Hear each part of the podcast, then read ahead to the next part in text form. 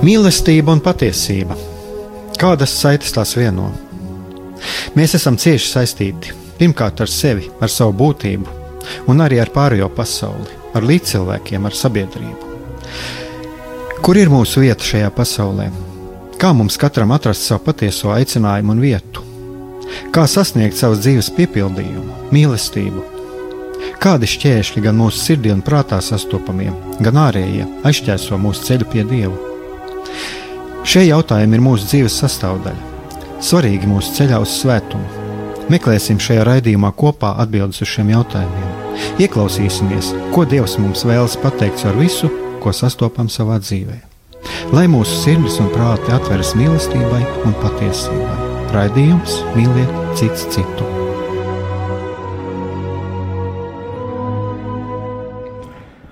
Lai top slavēts Jēzus Kristus, esiet sveicināti, darbie radioklausītāji. Studijā esmu Esaigars Brikmanis, un šis ir raidījums Mīliet cits citu.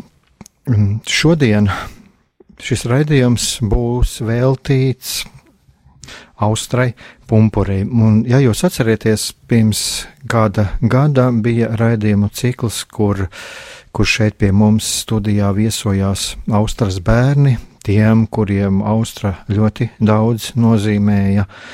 Un uh, es pat varētu tā teikt, tie bija tie, kas bija Austras pumpures garīgie bērni, un uh, kuri nes šo Austras pumpures mantojumu tālāk.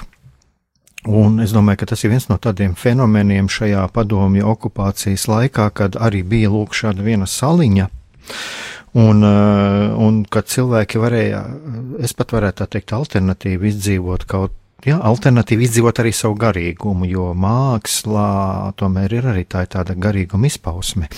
Un eh, šodien pie mums ir vēl viens austras bērns, Pie mums ir viesojās studijā, kurš jau ir bijis jau šeit pirms kādiem pāris mēnešiem, bet ne manā citā raidījumā.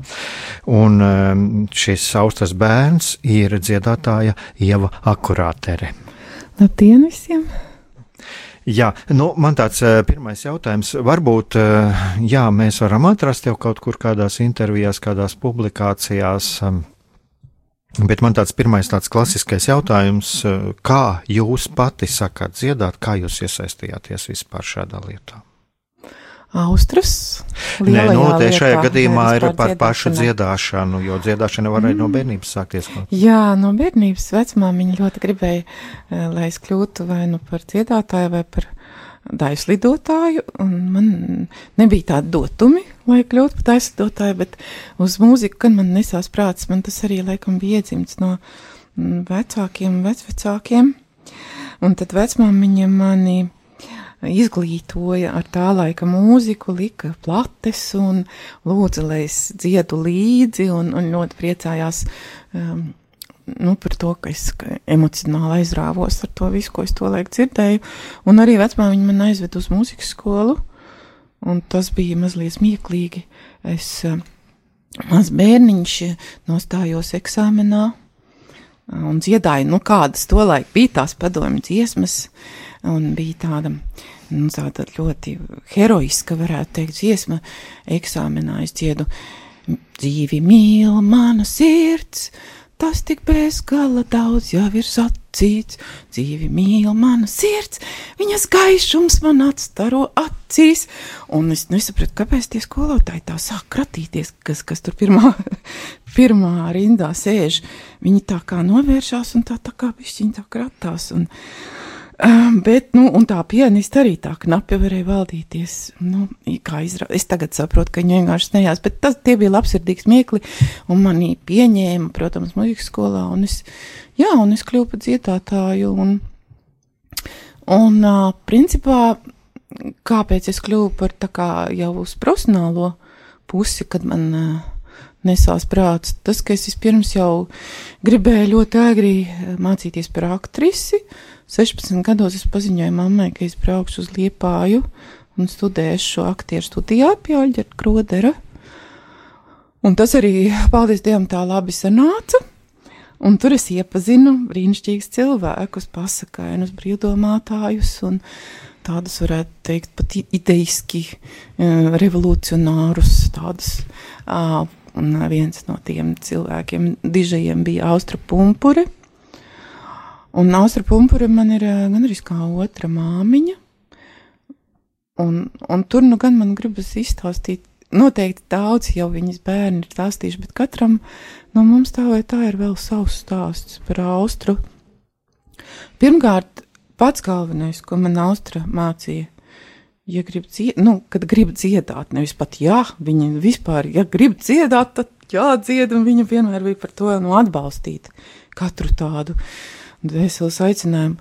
Lūk, un, un viņa teica, ka pirmā un galvenā lieta ir jāiemācās klausīties un dzirdēt, un tad tikai var dziedāt, kad, kad kārtīgi iemācās to, eh, to lietu, kas ir klausīšanās. Un um, viņas pašas balss ir vienkārši unikāli dzīva un tāda tik ļoti izteiksmīga, ka mm, tāpēc jau arī, um, tāpēc jau arī tik daudz viņai sekotāju ir, un tāpēc tas ir milzīgs kultūra vēsturisks notikums viņas dziedāšana. Tāpēc, ka pirmkārt katrā vārdā uh, bija doma, uh, katru domu viņa zināja aizsūtīt līdz cilvēkiem, vēl pie tam intonācijas ziņā. Kad klausās, piemēram, dažas no dziesmām, kuri, piemēram, uz viena toņa, iet vairāk teikumi, ja, ar katru harmoniju, kas ir apakšā, viņas balss pilnīgi intuitīvi mainās un sāk starot un lidot. Nu, tas ir vienkārši unikāli. Jā, un es esmu, nu, es principā esmu no vecākajiem bērniem. Mēs toreiz bijām četri, kā, gan arī kā dziesmā dzied, ja. Pirmie četri bērni ko Austra saķēra, satvēra un iedrošināja eh, un nolika sev blakus eh, dziedāt, bija Juris Batkevičs, Māris Putniņš, Indra Briķe un es.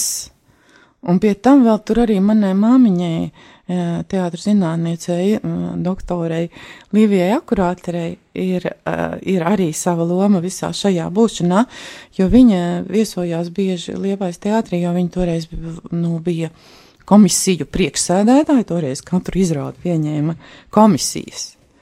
Lūk, un, un viņa, protams, arī sadraudzījās ar Austru un dzirdēja, kā Austra dzied. Nu, tas izteiciens noteikti šeit ir izskanējis līdz rīta šausmai. Jā, tas jā, izteiciens jā, jā. tāds bija, jā, man, man ļoti patika. Lūk, un mamma paziņoja Austrai, ka viņai jātaisa programma. Māma to paziņoja mana, un viņa teica, Austra, un tu uztais programmu, un es tev viņu pieņemšu. Tā tas bija. Tā bija tāda tā ģimenes sadarbība. Jā. Var teikt, ja mēs tā no visu šī stāstītāja saprotu to, ka šeit bija tā tāda veiksme, ka būtībā jau jums bija šis aicinājums uz šo dziedāšanu, un, un, un tas bija tāds mammas atbalsts. Uh, Mama ļoti vēlējās, viņai... bet arī būtībā šis sagāja kopā. Nu, tas šeit runāja arī par šo mūziku. Viņa vēlējās, lai es būtu dziedātāja, un mamma atkal atbalstīja pa lielam. Tā tas. Mm -hmm. Jā. Tā tas ir. Jo, jo, jo ir tādi stāsti kādreiz, ka vecāki grib, grib vienu, bet bērns izvēlās citu. Nē, nē, mamma galīgi negribēja, lai es būtu aktris. Vispār viņa turējās pretī, cik vien viņa varēja, bet, nu, tā kā es teicu, kad es gribu, ja arī nebija ko iebilst. Mm. Cik jums bija gadu toreiz, kad ar, ar austru pumpu? Nu, 16 gadi, 16 jā, es gadus, sāku jā. jau mm -hmm. strādāt par palīgu sastāvu aktrisi un, un dabūju jau kaut kādas skaistas lomas. Un, Bet, nu, viss tā pamazām, nu, negāja viegli, protams, liepais teātrī. Nu, caur, caur ērkšķiem un zvaigznēm tā. Mm -hmm. Bet, nu, e, faktiski jau tas e, arī, teiksim tā, ja mēs paskatāmies atpakaļ uz šiem laikiem, e, tas bija tas padomju laiks, Un, kā jau es arī šeit pieminēju, sākumā arī to, ka nu, jā, nu, tā bija arī kaut kāda tāda alternatīva, alternatīva tam visam, kas, kas notika, ja, kur cilvēki varēja. Nu, varēja arī izpausties garīgi, jo, jo cik es arī atceros no šiem stāstiem, ja Austrija bija arī tā, kur atrada šos cilvēkus, kur, kur spēja jā, atrast jā. šos talantus, un, un tad viņi ap sevi pulcē.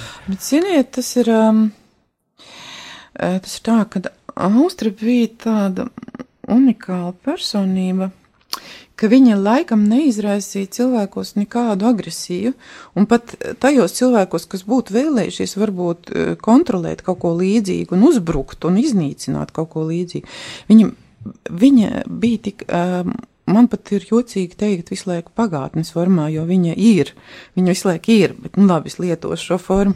Viņa bija, viņa bija tik, uh, tik laipni, pozitīva un atvērta un tik veicinoša un tik radoša, ka vispār cilvēki nespēja laikam pat iedomāties viņai kaut kādā veidā kaitēt.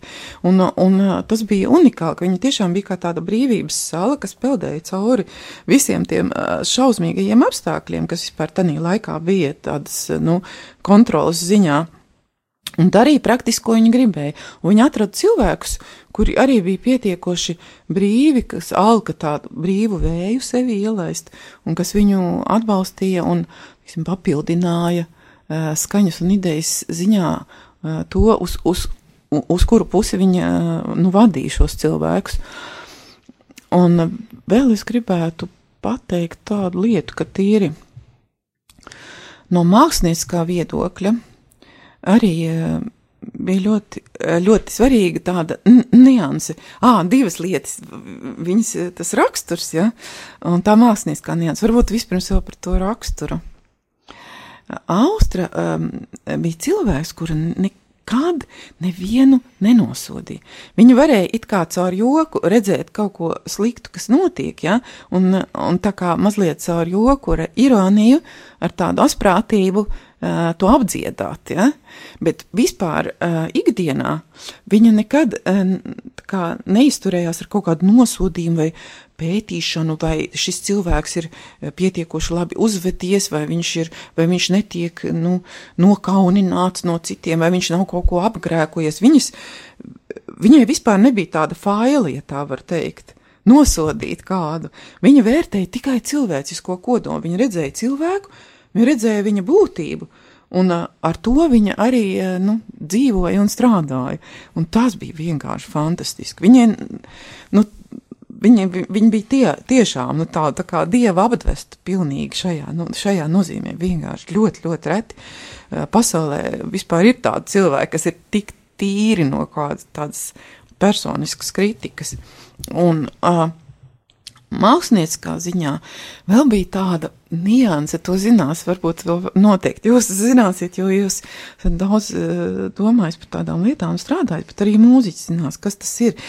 Kad ir, uh, protams, kad ir uh, autori vai izpildītāji, kuri nu, to līdzautoru vai, teiksim, dziesmas autors uh, izceļ. Un, protams, kad Austrija izcēla, piemēram, viņa teica, jā, tā ir Imanta Kalniņa dziesma ar Viktoru Kalniņa vārtiem, un ļoti, ļoti lielu vērību pievērsa uh, tam.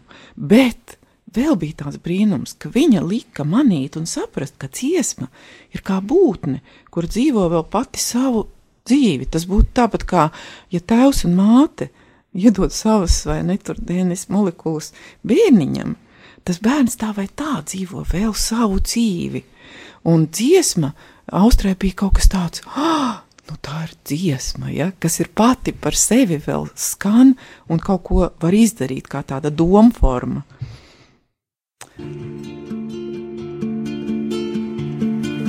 Balts ir akāciju palaks, vai tu gribi tādā gulēt,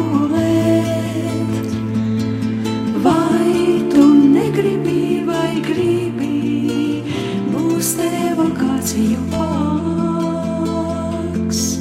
Vai tu negribi, vai gribi, būs tev manas vēsas rokas un uz katras tavas pēdas viena zaļa kļavas lapa.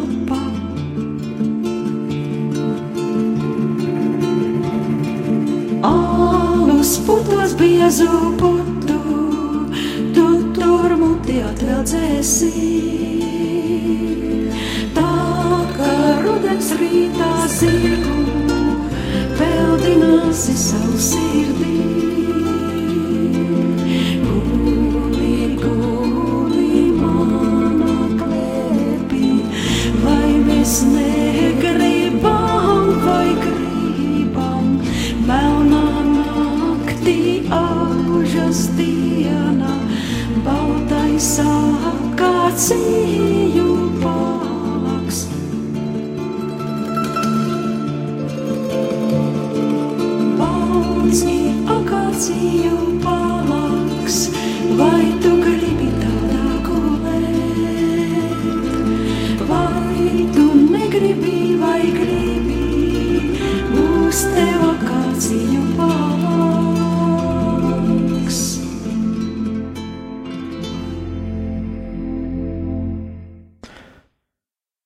Darbie radio klausītāji, šis raidījums mīliet cits citu.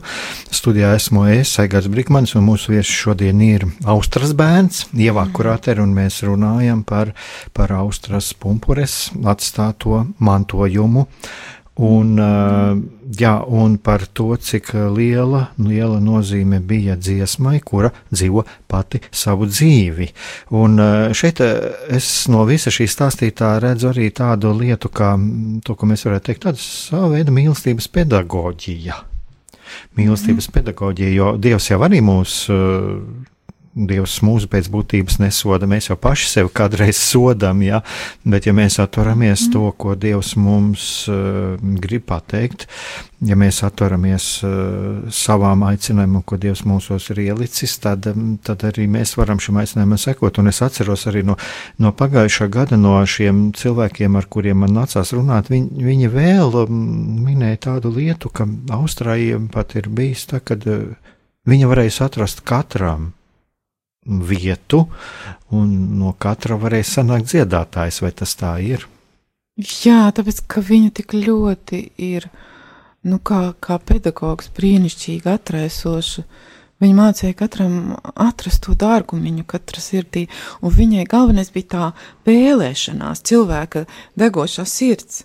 Viņa uzskatīja par svētu pienākumu palīdzēt atraisīties šai, šai dzirkstelē, jo viņa arī uzskatīja, ka tas nav traki, kad bārdu kustība vai, mm, teiksim, akustiskās muzicēšanas kustība nav pārāk tur populāra un izslavēta. Viņa tieši teica, tas ir labi, tas, tas tā vai tā pastāv, un ir cilvēkam tas ir vajadzīgs, un tā ir tāda vesela, nu, blakus pasauli vēl tai, kas ir, kas ir, teiksim, varbūt tā, at, nu, populārākie, atzītākā. Bet, vi, nu, paldies Dievam, arī šī akustiskā muzicēšana jau uh, kļūst ar vien vajadzīgāk un vajadzīgāk sabiedrībā, jo nu, cilvēki jūt, ka viņiem pie saknēm ir jāatgriežas.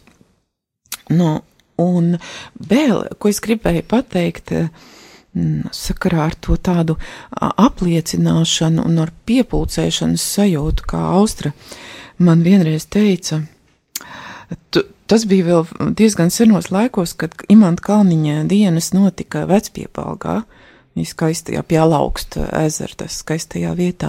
Un viņa man vienreiz tā pienāk klāt pie, pie tā koncerta laikā, un viņa saka, ja tu zini, kā man ir? Man ir tā, nu, lūk, nu, Imants Kalniņa dziesmā vai ne, dzied tur savējies sapratīs, ka dziesma ir kliedziens vai tavējies sapratīs. Viņi saka, nē, manējie sapratīs. Viņi saka, manējie sapratīs, ka dziesma ir kliedziens. Nu, tas ir tāds austras raksturojums, jo viņai tas bija, viņai bija tāda veselīga nekaunība, tāda, nu, tāda, tāds foršs šērpums, kā, kā, nu, kā kurzemniecei. Uh, bet tāds ārkārtīgi pozitīvs un labsirdīgs. Viņa, viņa nu, nebaidījās paziņot kaut ko skaistu un tādu varenu.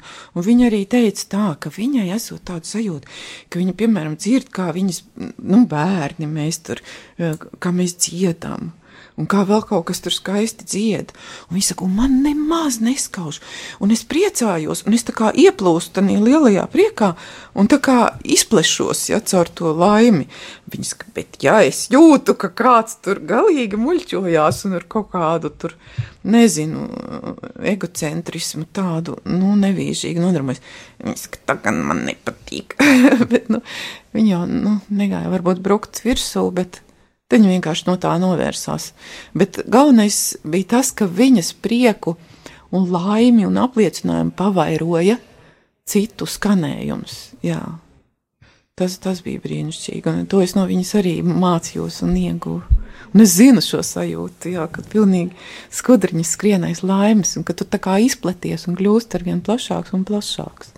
Jā, nu tas viss skaistākais, un tā ir būtībā arī tā viena no tādām lielām brīvībām, ka mēs spējam priecāties par to, ka otram kaut kas labi padodas. Es domāju, ka tas ir viena no tādām jā, viņš tā kā pa, skaistākajām. papildina vai īsteno tavas sirds uh, alkas. Ilgas, kuras tu varbūt neesi varējis piepildīt pats, bet viņš to piepilda. Un tā tad tas ir izdarīts, un tā apliecinājuma sajūta izdalās uz visiem, jā, kas, Nu. kas skan līdzīgi, kuri skan uz līdzīgas sirds stīgas. Man tas man tagad vienkārši man tas tāda rosināja tāda doma, kāpēc, piemēram, klausoties kādu dziesmu, mēs pēkšņi sajūtam kaut kādu pacelātību, kaut ko tādu, ja tas mm, savā ziņā Dievs runā ar šo cilvēku, viņš mums iedod tā kā spārnus. Jā, Jā, un tā tā, dziesma, es, man, man te kādreiz ir iznākuši arī diskusijas ar cilvēkiem, ar kristiešiem, un kuri, nu, viņiem tā ļoti liela prasība, gan izvēle, ka tur jābūt kaut kādam ļoti kristīgam tematam, un tur jābūt piemēnētam Dievam. Protams, tas nav tā izplatīti, jā, bet, Jā, bet, tā, bet, ir, bet arī jā. šādas kādreiz nostājas, un tad, eh, tad es arī mēģinu tā pavērt, saku, pagaidiet, jebkura lieta, kas cilvēkam iedod patiesu, skaidro, tīro prieku, kas iedod šo mīlestību, mm, tā arī nāk no Dieva, jo galu galā arī Austrai Dievs ir devis šo spēju un šo mīlestības pedagoģijas spēju. Jā. Un, Un tā dieva mīlestības izpausme jau tur arī viņa tur ir tajā poēzijā, tādā humanismā, tādā cilvēciskumā. Un vispār varbūt tas izklausās ļoti, ļoti vienkārši, bet es šo vienkāršo patiesību kaut kad nesen, laikam, šovasar sapratu, ka Dievs ir mīlestība un um, ka tas ir jāuztver burtiski, ka tiešām tā ir mīlestība pirmām kārtām. Jo um, kā teica Svētais Augustīns, kad es ne, nemācīšu precīzi nocitēt, bet doma bija tāda, ka bieži vien vispārējais aprakstot Dievu vai runājot par Dievu ir klusēt, bet tādā gadījumā, ja mēs runājam par mīlestību, tad mēs droši zinām, ka mēs esam, ka mēs runājam par Dieva izpausmi. nu, Augustīns jau vēl taisa ļoti skaisti mīl un dara, ko gribi. Jo, Jā, tā, ka jo mēs patiesi mīlestību to dari. Jā, jo, ja to patiesi cilvēks mīl, viņš nespēja darīt neko ļaunu otram. Patiesā mīlestība. Un, Jā, jā. un es domāju, ka šeit jau arī ir tas, ja cilvēks priec, spēj priecāties par otru, ja viņš nesalīdzina, bet ja viņš spēj Jā. priecāties, tas nozīmē, ka viņš ir no saviem sirds cietokšņiem izgājis, un viņš arī ar mīlestību, ar patiesu mīlestību spējas dot otram un pacelt otru. Viņš vairs netiesā, un, lūk, un tas ir tas skaistākā liecība, ko es arī šeit tikko. Austrajā. Jā, un tas ir tas, ko mēs arī un visi mēs varam dzirdēt. Tagad šī, ir tā skaistākā liecība uh, par to, uz ko mēs visi esam aicināti.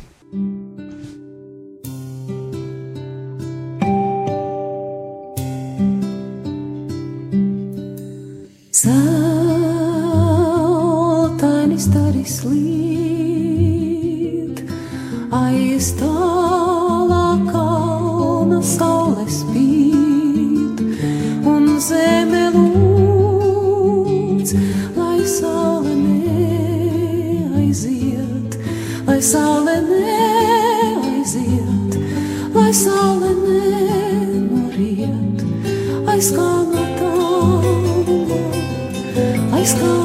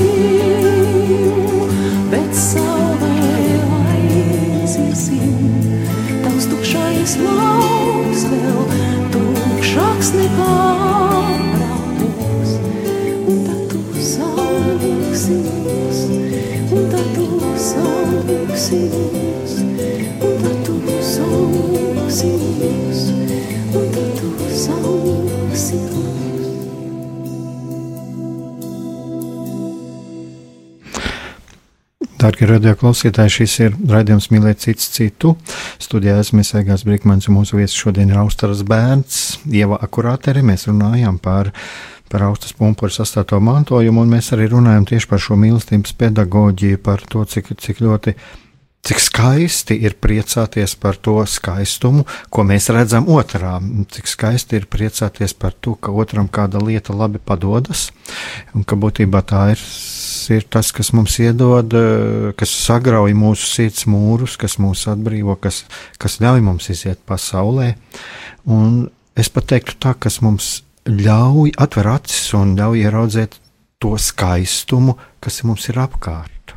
Mēs esam brīvi.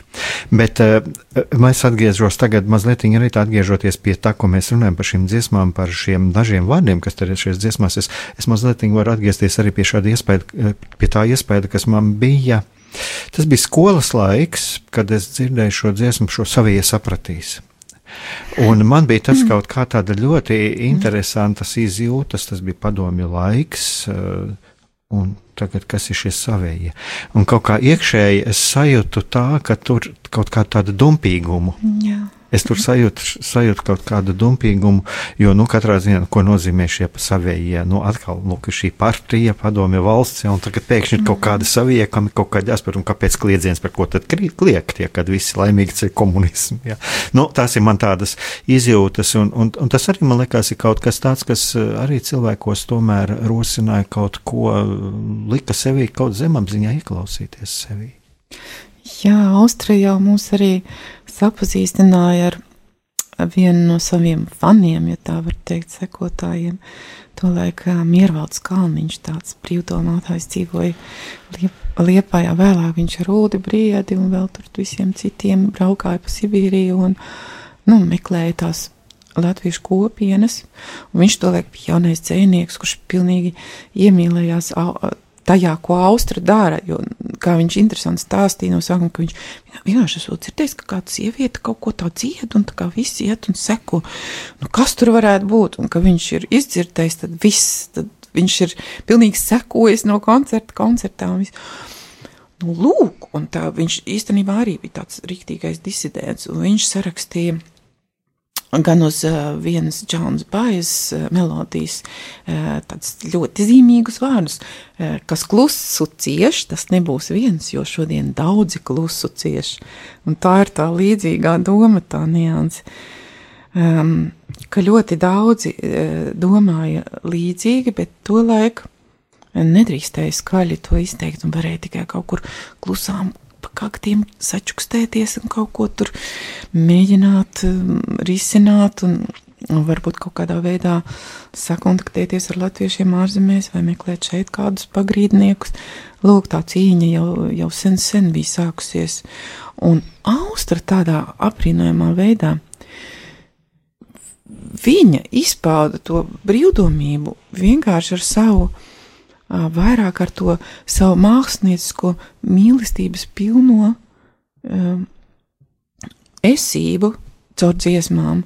Dziesmās, protams, bija ļoti daudz zemtekstu, bet viņa nemēģināja šos zemtekstus īpaši tā kā izmest kā izaicinājumu, bet viņa vienkārši mēģināja viņos iedzīvoties. Un tieši tur bija tas, jo tas, tas patiesības spēks, šīs uh, brīvības, mīlestības, patiesības spēks bija tieši tas, kurš visvairāk iedvesmoja, nu, kurš ielika tādu pamatu, nevis vienkārši kaut kādu tukšu bum, dumpības garu, ja, bet tieši tas, kurš ierosināja sirdīs uzaugt tam, paga, paga, es taču arī, es gribu vēl kaut ko darīt, vēl tālāk, lūk, un tas bija tas austras brīnums, ka viņa, jā, viņa caur mieru, caur mīlestību, caur skaistumu, uh, caur poēziju meklēju šo dziļumu un šo drosmi. Jā, nu, šeit eh, arī šo visu klausoties, man arī tāda, tādas pārdomas rodās uzreiz par to, ko, par ko es arī esmu kādreiz domājis, ka, protams, mums jāņem vērā tie apstākļi, jā, ja tajos apstākļos var kādreiz gadīties tā, ka vienkārši sākās kaut kādas represijas, jā. Bet tā pašā laikā, nu, mēs jau varam skaļi izteikt, ja, bet kādreiz tajā sirds, caur šo sirds klusumu mēs arī ļaujam, varbūt cilvēkam pašam, mēs viņam neizraisam kaut kādas emociju vētras, bet viņš arī kaut kādā šajā sirds klusumā ieklausās sevi, ja tā ir tāda ļoti smalka māksla, ja, mm -hmm. teiksim tā, spēlēt uz tām pareizajām stīgām. Jā, jā, jā, tur tas brīnums varbūt tiešām rodas, jums ir taisnība, jo uh, tas ir apbrīnojami, ka vērojot pat to, ka, ka, ka tur ir veselas, nu, nu kā pulcēšanās, tur ir tikšanās, un tas tie cilvēki, kas pulcējas ap austru, pārvietojas šurp un turp pa Latviju, un naktīs nezinu, ko runā. Un, e, jā, kādēļ tas netika apslāpēts, tas tiešām ir vienkārši brīnums, un tas ir droši vien tas, par ko jūs sakat, tā tā e, interesantā psiholoģiskā nianse ka šis skaistums un tā mīlestība viņa pat atbruņoja arī tos uzbrucējus kaut kādā veidā. Es esmu to šad un tad dzīvē pie, pieredzēju šo, šo fenomenu. Ja.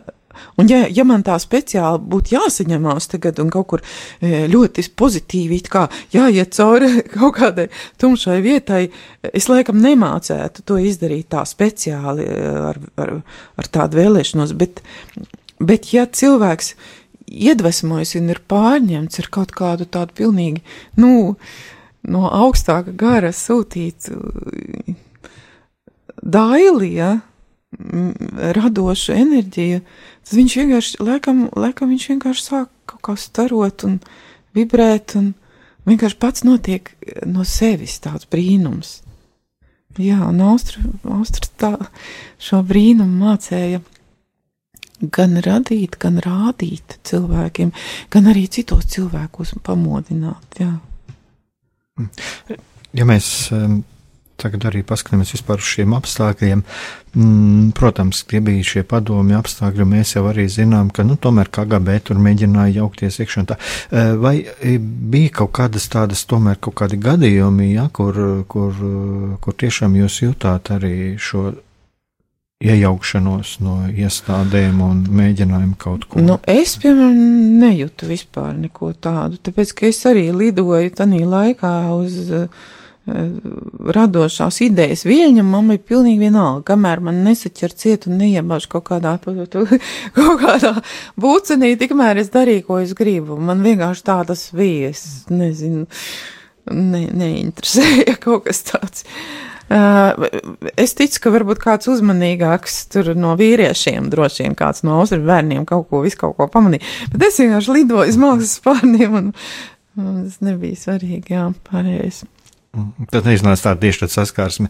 Jo vienkārši tāpēc, ka nu, tagad arī viss ir šī par šiem, par šiem runa par šiem čekas maisiem, tas ļoti aktuāls jautājums. Un, un patiesībā tas ir tāds ļoti smags, smags mantojums, ja, un, un man pašam arī tas ir tāds ļoti interesē šīs, šīs lietas, arī šī iemesla, kā jau arī mēs runājām, ja kādā veidā, kā uzrunāt šīs cilvēku sirdis, ja, ja protams, Staļina Staļina laiki, ja būtu Staļina laikā, tur sākt runāt par kaut ko savējie sapratīs, tas būtu uzreiz, jā, nu, piesiet pantu, jā, bet, momentā, jābūt, jā, bet, bet šis, šis laiks ir tāds, jā, kāpēc man tas tā, mm, tas tādu rada šādas pārdomas, tāpēc, kad es eh, kādreiz runāju no, no Krievijas, man iznāca runāt ar vienu pētnieci, kura pētīja darbību eh, baznīcā, jā, šo reliģisko lietu pilnvaroto pēt, eh, lietu darbnīcā, mm. un man arī bija, bija sarunas arī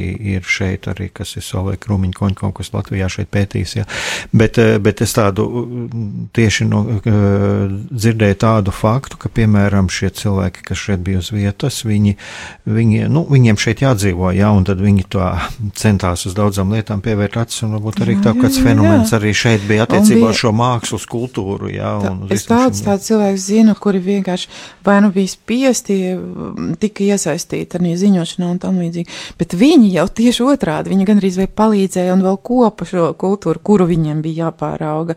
Tas ir tāpat arī baznīcā bijis, jā, es esmu lasījis grāmatas par to, ka cilvēki, kas kontrolēja, pat iemīlēja tos priesters vai tās draudzes un pat slepeni kļuva par atbil, atbalstītājiem. Un, un mākslā, kultūrā, protams, arī bija ziņotāji. Un, kas palīdzēja, atbalstīja, aizstāvēja un izvadīja caur nepatikšanām.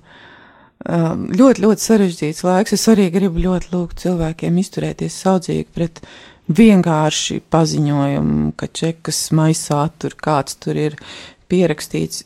Dzīve nebija tik vienkārša, un bieži vien mēs uh, um, es nezinu, ja mēs sastopamies ar tādu lietu kā spīdzināšanu, spīdzināšana var būt gan psiholoģiski, gan fiziski, gan garīgi, gan apdraudēt uh, tavu dzīvību, divus pasargi un, uh, vai, vai tuvinieku, nav tik vienkārši, ja? un cilvēki varbūt viņi bija, nu kā, mums patīk tagad skatīties filmas par dubultspiegiem, ja, un daži bija tādi dubultaģenti, kuri bija spiesti tā kā piekrist kaut kam tur, bet praktiski viņi nu, mēģināja no, no savas sirdsapziņas priekšā darīt visu, lai tos cilvēkus izglābtu, kurus viņiem ir jāpārauga. Lūk, tā, un tādi jau, protams, visur. Es jau saprotu, tik, tik naivis nebija. Es jau saprotu, ka visur, kur bija kādi, nu, vismaz septiņi cilvēki, nu, viens jau, nu, noteikti bija kāds, kas kaut ko tur pieraksta. Jā, bet bet viss, viss bija laimīgi un labi, un, un nebija nekādu jā, problēmu. Jā, nu šis, šis jautājums ir ļoti sāpīgs, tāpēc viņš arī ir, ir tagad dažādas diskusijas un, un, un, un, un runas arī par to, cik ļoti daudz arī kultūras pasaulē baidās. Un, un tā, jā, un tas arī, protams, ir ļoti svarīgi arī tomēr paskatīties, jā, jā, kādā veidā cilvēks arī kādreiz kaut kur varēja šādos apstākļos iekrist un, un kas un kāpēc notika. Es jā, pa, nu, pamēģinot iztēloties arī pašiem sevi. Tas viss bija saistīts. Jā. Jā. Bet tagad atkal aizejot tieši, tieši uz šo pozitīvo, uz šo pozitīvo, mm. nu, Latvijā visi zina pērkonu, jā, Jā. Jā, tā kā es arī, eh, teiksim, tā mans eh, jaunības laiku, es kādreiz eh, nopērku un kaut ko paklausos, jā, man, man jaunības laika, tas tie dumpīgie laiki, lai gan, teiksim, tā man tāda pašam tāda tīņa dumpība nebija, tāpēc, ka es dzīvoju, nu, man pašam iznāca mazliet tādos ekstremākos apstākļos dzīvot un tīri tā kā Bet man bija cita, es nezinu, kā būtu man beidzies, ja, jo man bija tāds ļoti, ļoti, ļoti pretpadomisks noskaņojums, ja, bet es pērku un klausījos. Un, uh, un mēs bijām arī kā jūsu fani. Es atceros, mēs gājām kopā jaunieši. Ja, kā, jā, uh, bet uh, Tā kā, mm, kāpēc es to tā pieminu, nu, katrā ziņā jau arī, es domāju, ka Austra arī ir kaut ko atstājusi uz to. Un, un Jā, gan, es jau visu, par ko es šeit stāstu, to viņa man arī mācīja. Es jau saku, ka man jau divas māmiņas, man māmiņa Līvija, ai, mācīja arī ļoti daudz, kā no, no, no izziņām, no literatūras, no vēstures, no, no arī no tādas psiholoģiskās brīvdomības, nu, tādas paša, pašas savas nu, gribas rakstura, ja, uzdrošināšanās apliecināt sev, jā, es to vēlos un viss. Un arī man māmiņa Līvija mācīja nu, stāvēt pāri kaut kādām visādām tādām nezinu, kā lai saka, sīk, sīkiem krikšiem, kas tur ķerās kājās un mēģina raut prom. Nē, vienkārši iet un darīt to, kas ir vajadzīgs cilvēkiem. Un Austrā atkal mācīja visu šo tādu sirds darbību, bet tādā plašā nozīmē, tādā um, Austras, Austras klātbūtnē es pat vēl arī klausījos vēl arī Haralda Sīmeņa ieraksts, kuri, nu, pilnīgi ar, ar uh, Austru iemācīja, iemācīja man klausīties, un es sadzirdēju, kā Haralds cied pilnīgi, kā nu, ka viss tas nāk viņam no augšas, ka viņš ir caurvadītājs. Viņš pats arī to vienmēr ir uzsvēris. Lūk, un, un Austra, nu, Austra ir ļoti, ļoti, ļoti mātišķa un sālēna un brīnišķīga, kā jau viņas vārds. Un vēl, vēl es gribēju teikt Ak, Dievs, ka- kas tik tur viss nebija? Pirmā dziesma, ko viņa man iemācīja, bija uh, skaistākās ogas pasaulē. Uh, um, kā tas bija viskaistākās ogas pasaulē? Tikai tāpēc, ka tās rūktas smagiem, sarkaniem ķekariem. Šūpojas nenoplūkts par pīlāģiem. Un, jā, un, un beidzamie ziedi, ziedi, augi, augļi, ko es viņai uzdāvināju slimnīcā, bija tieši pīlāģi, bet tas tā vienkārši sagadījās. Uh, bet arī man uh, kaut kādā dīvainā veidā izdevās, ka viņas izvad, izvadīšana no baznīcas notika tieši tā priestera vadībā, kurš viņai bija devis pēdējo eļas svaidīšanu. Tā laime tā mūs saved.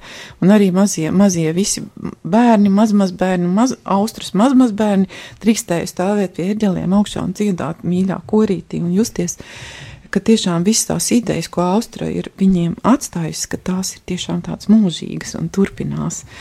Lūk, un Austriņa vēl pati, ai, savā kunlemnieces, kas man patika, viņai tāds, tas, tas, tas pozitīvisms, viņa, eh, viņa teica tā, nu tad, kad es aiziešu citā saulē, jūs tur, nu, nesakiet kaut kas tur, oh, oh, nu, Austra tur, jūs sakiet tā, kur tad Austra? Kur tad tā austra palikusi, ka tik ilgi nav redzēta? tā esot jāsaka. Jā, nu tā. Tāda viņa mums ir, jā. Es domāju, ka šeit arī būtu tā ļoti labi ieklausīties. eh, Būtu ļoti labi, ja- mēs katrs ieklausītos tā, ko jūs stāstījat, jo eh, kas man tā aizķērās, mm, pirmais, ja man aizķērās tas no mūsu pašu māmas, jā, kā viņa. Ja, kā viņa iedrošināja jūs uh, nebaidīties un tieši sekot tam aicinājumam, kas jums ir. Ja, kā mēs Jā. arī sākumā runājām, ja, jo tas, kas ir tā ļoti būtiska lieta, nebaidīties būt pašam. Un es domāju, ka arī Austrālijai pašai bija tas arī, kad viņa bija pati. Viņa mm -hmm. spēja būt pati. Viņai Jā. nevajadzēja izlikties, viņai nevajadzēja, viņai nebija uh, daudzas tās lietas, kas ir uh, mūsu, mums daudziem iekšā, ir, ka mēs baidamies būt paši, mēs baidamies uzdrošināties, mēs salīdzinām ar citiem. Viena no lielākajām nelaimēm cilvēkiem, ka viņš salīdzina ar citiem, redz, kā tam iet, man tā neiet. Austrai to nevajadzēja, jo viņi citus piepulcināja un citus iedvesmoja. Tā viņa izpaudās. Jā, mēs varam Jā. Tieši tie iedvesmotāji būt tieši tajā brīdī. Tad, tad mēs spējam otru mīlēt, tad mēs spējam otram palīdzēt, ka mēs esam brīvi. Jā, Jā ja mēs esam brīvi. Ja mēs... Jā, viena no mīļākajām viņas dziesmām, ko es atceros, viņa dziedāja, tā ir brīvība, kas dārgāka par sauli, tās ir ilgas, kas no sprostiem ārā sauc. Tā bija tāda dziesma, ka Dievs, ka es dzirdēju pirmo reizi, "Ah, kāda laime, ka kaut kas tāds skan. Jā. Jā, Mums pamazām raidījums tuvojas noslēgumam. Un, uh, man ir arī tāda tradīcija, ir es parasti tiem cilvēkiem, ko es uzaicinu, es uh, arī tā palūdzu, kaut ko, ko jūs varētu pateikt, ko jūs varētu šajā brīdī pateikt klausītājiem, ko novēlēt.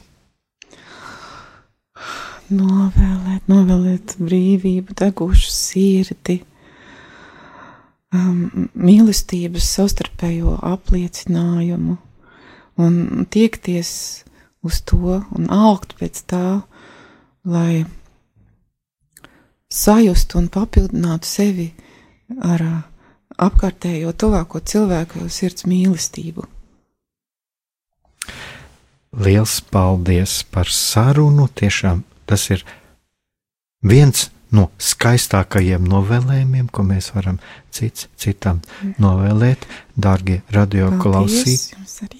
Jā, darbie radioklausītāji, šis bija raidījums Mīliet cits citu, un šodien mēs runājām par to brīnišķīgo mantojumu, ko mums, mūsu tautai ir atstājusi Austra Pumpure, un šodien pie mums viesojās viens no Austrijas bērniem, Ieva Akurātere, darbie radioklausītāji, uz sadzirdēšanos nākamajā reizē, lai mūs visus pavada Dieva žēlstība, lai mūsu sirdis, visu mūsu sirdis ir atvērtas mīlestībai.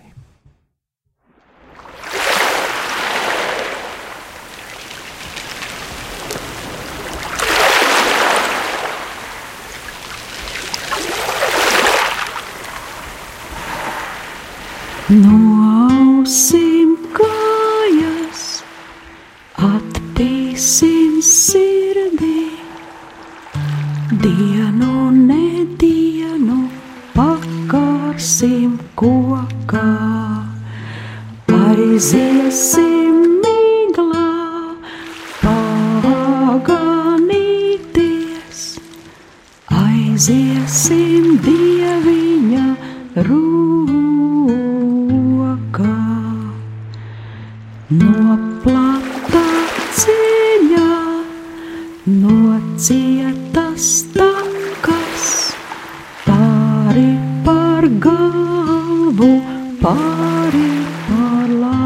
Laiku.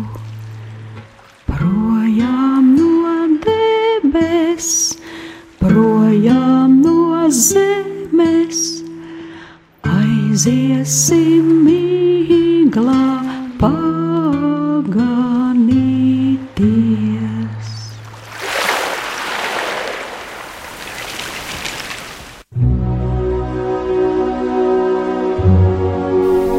Mīlestība un patiesība.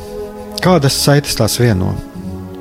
Mēs esam cieši saistīti pirmkārt ar sevi, ar savu būtību, un arī ar pārējo pasauli, ar līdzcilvēkiem, ar sabiedrību. Kur ir mūsu vieta šajā pasaulē? Kā mums katram atrast savu patieso aicinājumu un vietu? Kā sasniegt savas dzīves piepildījumu, mīlestību? Kādi šķēršļi gan mūsu sirdī un prātā sastopamie, gan ārējie aizķēso mūsu ceļu pie Dieva? Šie jautājumi ir mūsu dzīves sastāvdaļa, svarīgi mūsu ceļā uz svētumu. Meklēsim šajā raidījumā kopā atbildes uz šiem jautājumiem. Ieklausīsimies, ko Dievs mums vēlas pateikt ar visu, ko sastopam savā dzīvē. Lai mūsu sirdis un prāti atveras mīlestībai un patiesībai. Raidījums mīliet cits citu.